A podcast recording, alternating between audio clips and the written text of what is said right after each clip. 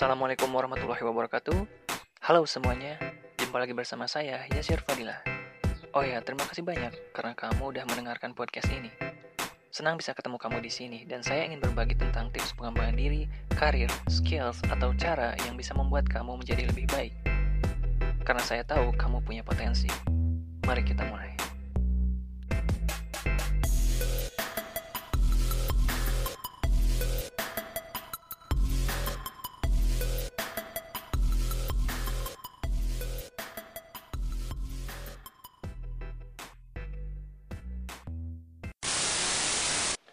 Kali ini saya mau berbagi sesuatu tentang uang.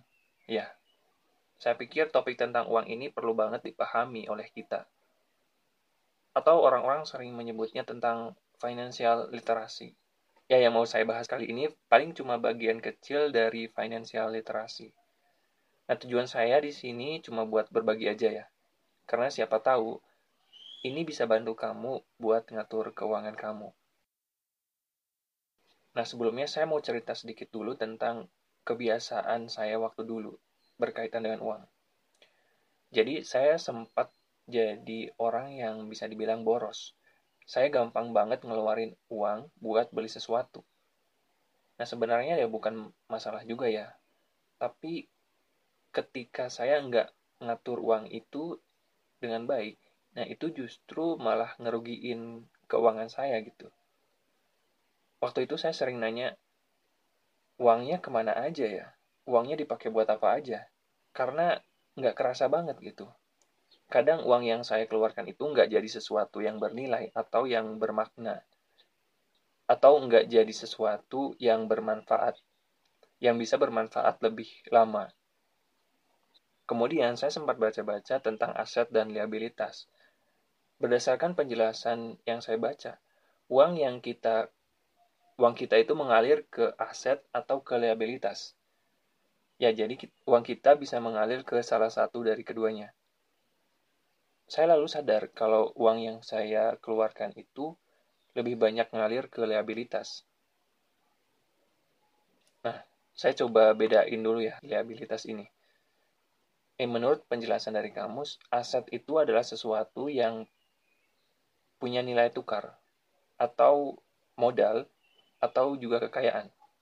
Atau bisa dibilang sesuatu yang punya nilai dan bisa bantu kita menghasilkan uang lagi. Jadi ketika kita mengeluarkan uang untuk aset, uang kita nggak benar-benar hilang. Uang yang kita belanjakan itu masih bernilai, cuma dalam bentuk yang berbeda. Kita juga bisa menyebutnya sebagai investasi.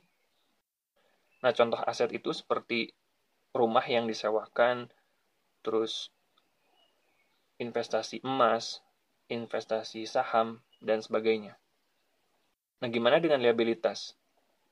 Menurut penjelasan kamus, liabilitas itu berarti penghambat atau sesuatu yang harus dipertanggungjawabkan. Kita nggak bisa menghasilkan uang kalau uang kita mengalir ke liabilitas.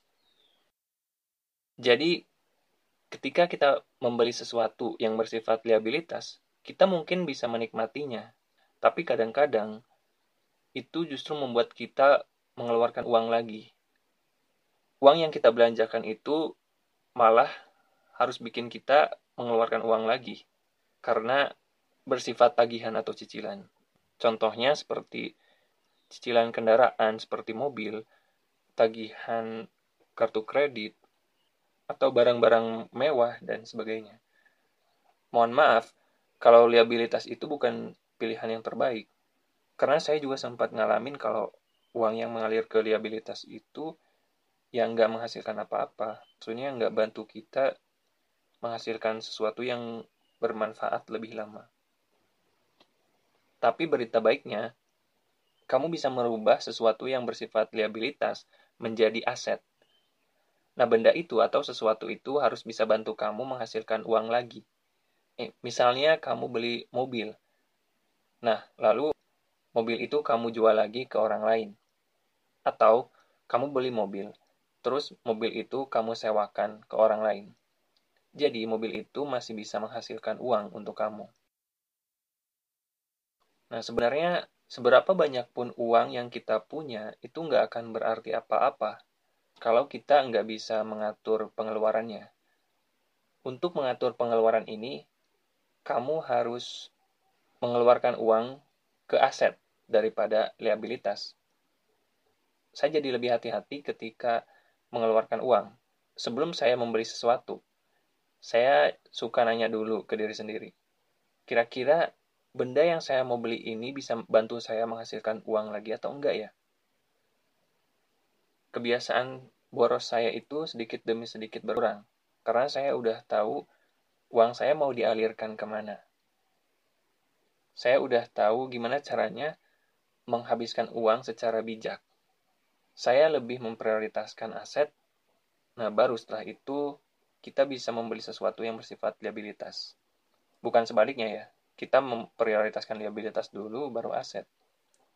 Nah, tapi itu pilihan. E, kamu bisa memilihnya sendiri. Semoga bermanfaat ya.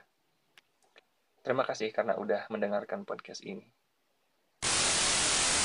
Saya Sirfadila, sampai jumpa di episode selanjutnya.